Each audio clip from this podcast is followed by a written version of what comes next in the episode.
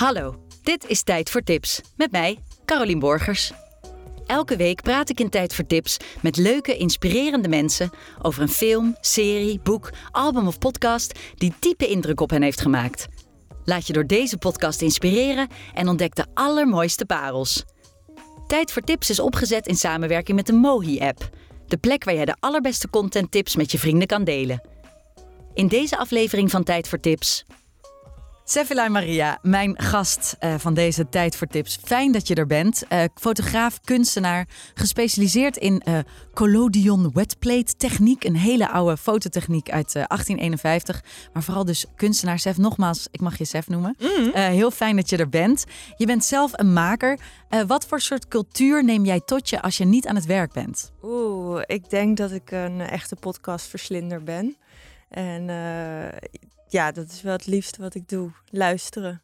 En, en op wat voor manier doe je dat? Ben je dan, uh, lig je dan in bad? Of, uh, nee, lopend. Lopend? Ja, en uh, ik loop van Amsterdam Zuid naar Amsterdam Noord, van Amsterdam West naar Amsterdam Oost. En het houdt eigenlijk niet op. Soms, en ik heb vandaag ook hakken aan van meer dan 10 centimeter. En ik loop gewoon. Je loopt op de hakken van 10 centimeter de hele stad door met een podcast op. Ja. Nou, laten we dan meteen maar bij de podcast-tip uh, beginnen die jij voor ons meegenomen hebt. Um, dit is een van jouw favoriete podcasts, geloof ik. Ja, Vertel. De, de Happiness Lab. Het is van Dr. Laurie Santos. Zij is doctorandus op Yale University. En zij geeft les over hoe je gelukkig mag zijn en kan zijn. Ja. En dat onderbouwt ze wetenschappelijk. En het is de meest bezochte klas in uh, de uni universiteit. En uh, daarbij doet ze, naast dat ze die podcast maakt en lesgeeft, uh, kan je ook online meedoen met de Yale Students. En kan je zelf de cursus meedoen en kijken of je net zo gelukkig kan worden. Want het is dus een cursus happiness. Ja. En, en ben je er gelukkiger van geworden? Nou, Carolien, op een schaal van 0 tot 10 ben ik altijd al een 8 of een 9. En ik zie om mij heen mensen vaak niet zo gelukkig zijn. En ik wilde heel graag weten waar dat nou eigenlijk aan lag. En toen de coronaperiode aanbrak en ik aan het lopen was en deze podcast ontdekte, heb ik zoveel wetenschappelijke onderbouwing gehoord wat je nou wel of niet gelukkig maakt. Uh, een van de meest simpele voorbeelden. We weten allemaal, vroeg opstaan en meteen gaan sporten maakt je een gelukkiger mens. Maar wat doet je brein? Die zegt tegen jou: Nee, blijf liggen. Nog heel even snoezen. Zo lekker, zo lekker. En wat heb je dan daarna? Dat je je schuldig voelt. Ja. Dat je niet bent gaan sporten. Het zijn van die hele simpele dingen die zij aankaart. En uh, ja, ik vond dat echt wel uh, super tof om uh, te luisteren. Ja, en deze aflevering, uitzending die je specifiek hebt gekozen, gaat eigenlijk over het idee. Nou ja, het, begint eigenlijk bij het feit dat winnaars op de Olympische Spelen van een zilveren medaille eigenlijk fundamenteel ongelukkiger zijn dan winnaars van een bronzen medaille op de Olympische Spelen. En, en eigenlijk gaat ze uitzoeken in die podcast waar dat, waar dat door komt. En dat dat principe, waar dat dan door komt, uh, doorgevoerd kan worden in ons hele leven. Ja, als je bijna goud kan proeven, maar het niet hebt gehaald, dan zul je teleurgesteld zijn. Heb je brons, kijk je neer op de rest die geen medaille heeft gehaald en zul je gelukkig zijn. En dan is goud niet eens meer voor jou in het vizier, omdat het twee stappen omhoog is. En met zilver, ja, de meeste mensen die zilver winnen, zullen dus zuur zijn omdat ze eigenlijk dat goud hadden gewild. En uh, jij luisterde deze podcast en deed het jou ook aan je eigen leven denken? Herken je daar iets in? Ja, zeker. Ik heb zelf vroeger aan topsport gedaan. Uh, Nederlands team kunstzwemmen gezeten.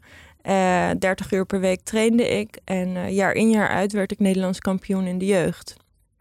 En het laatste jaar dat ik meedeed, werd ik tweede. Ik kan je niet beschrijven wat dat met mij heeft gedaan. Het was mind-blowing van de teleurstelling die ik heb gevoeld. Hoe uitte zich dat? Um, boosheid, denk ik, verdriet. Maar wat de podcast ook vertelt en wat er ook bij mij gebeurde is, wanneer je verliest of niet uh, blij bent met de positie die je hebt, zal je er nog harder voor werken.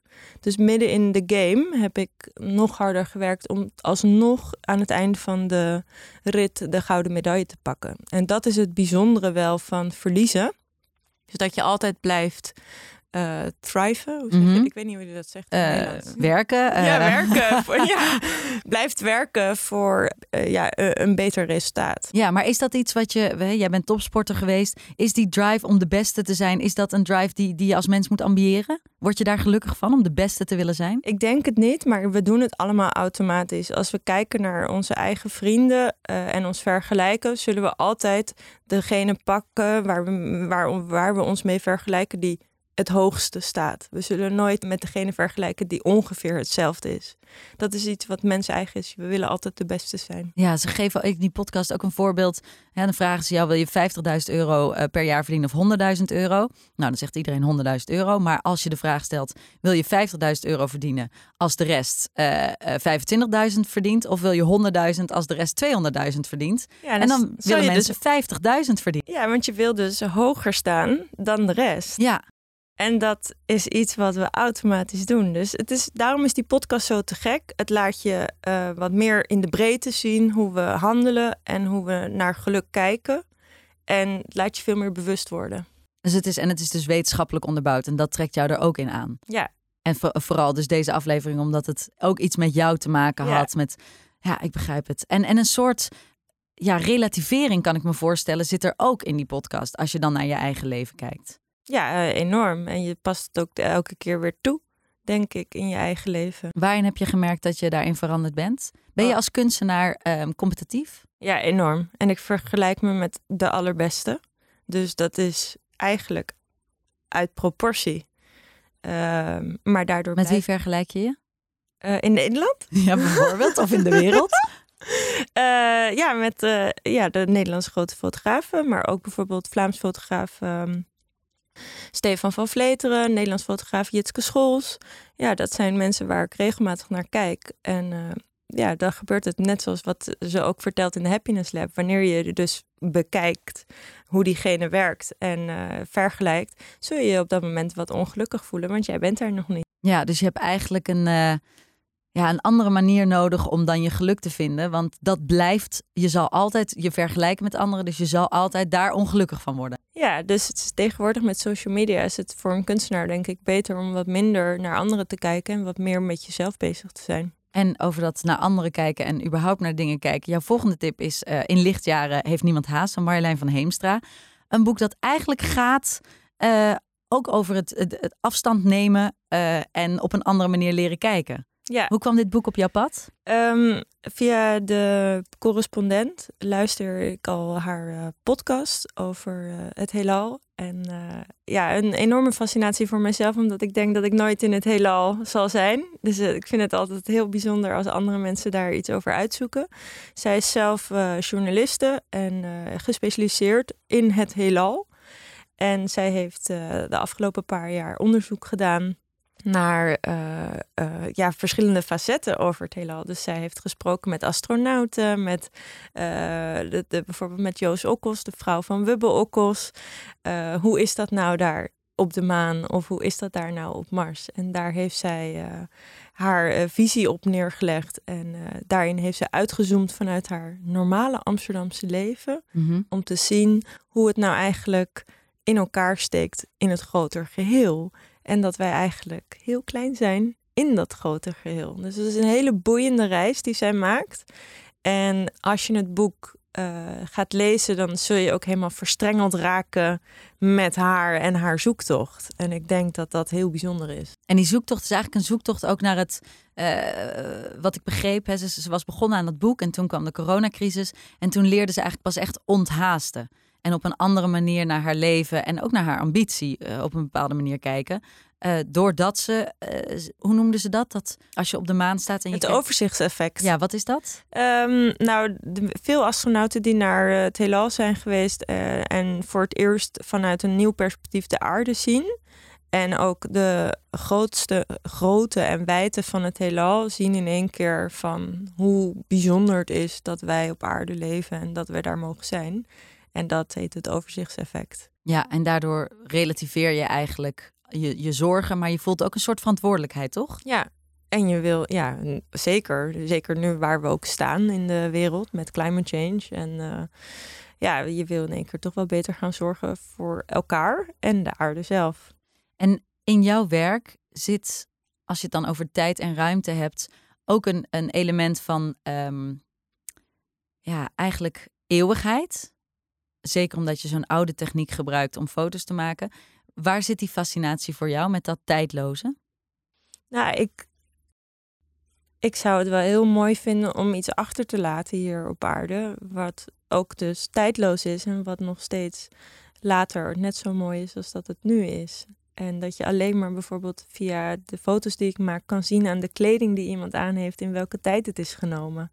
Maar dat het toch wel uh, ja, die, de, de vergankelijkheid en fragiliteit van het nu bevat.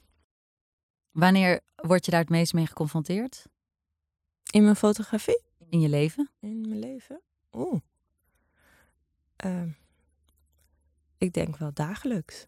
En uh, ik, ik, ik vind het heel mooi dat alles weer, ja, dat het nooit hetzelfde is en dat we altijd in beweging zijn. Ik denk dat dat wel de kracht is van het leven. En om dat te vatten in een foto, dat maakt het voor jou tijdloos eigenlijk. Ja, enorm. Want vertel eens over die techniek. Ik vertelde er in het begin al een beetje over. Wat houdt het in? Uh, die techniek uh, is uh, uitgevonden in 1851. Je werkt volgens recepten die toen destijds zijn uitgevonden en met heel veel precisie gemaakt moeten worden. En um, je maakt letterlijk een glasplaat lichtgevoelig en die zet je in een camera, die belicht je en dan ontwikkel je deze helemaal zelf. En dan heb je een afbeelding op zilver gedrukt. En daar is er maar één van. En dat, maar dat is wel een foto, dus dat is wel iets wat. Ja, um, ja het is niet ook op een glasplaat of in een. Uh... Nee, het is op een glasplaat. Maar, maar die druk je weer af. Nee. Ik begrijp er helemaal niks van. Nee, nee, nee, nee, nee. nee. het is dus een directe belichting op glas. Ja. En uh, uh, dat is ook meteen het kunstwerk. Dus er is er maar één van. Het is een unicum. Ah, dus daar zit ook de tijdloosheid eigenlijk voor jou in. Ja, en het onthaasten. Ja. Want je hebt uh, dat je heel veel stappen moet doen voordat je een foto hebt. Tegenwoordig doe je natuurlijk klik, klik en dan heb je het. Ja, nou sterker nog, niet eens klik, klik. Je doet gewoon op, je, op een knopje op je telefoon. Ja, dus daarom misschien ook wel dat dit bijvoorbeeld met Marjolein heel erg bij mij past. Omdat ik ben daar ook zelf mee bezig van hoe staan we stil in deze tijd? Hoe gaan we rustiger uh, te werk? En als ik door mijn camera kijk en um, alles laat onthaasten en verstillen, dan ervaar ik ontzettend veel geluk. Dus meer geluk en onthaasten in deze tijd. En daar zijn jouw twee tips voor. Ja. De Happiness Lab en uh, in lichtjaar heeft niemand haast maar ja. van Heemstraat. Dankjewel, Sefla Maria, ja. voor dit gesprek.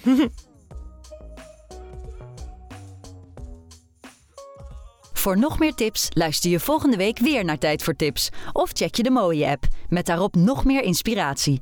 En mocht je nou zelf een waanzinnige aanrader hebben, laat me dat dan weten door een mailtje te sturen naar tijdvoortips.moi.app.